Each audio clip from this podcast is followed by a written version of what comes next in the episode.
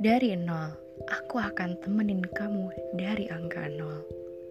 Si pemenang, si pemilik angka 100 adalah terdiri dari dua angka nol.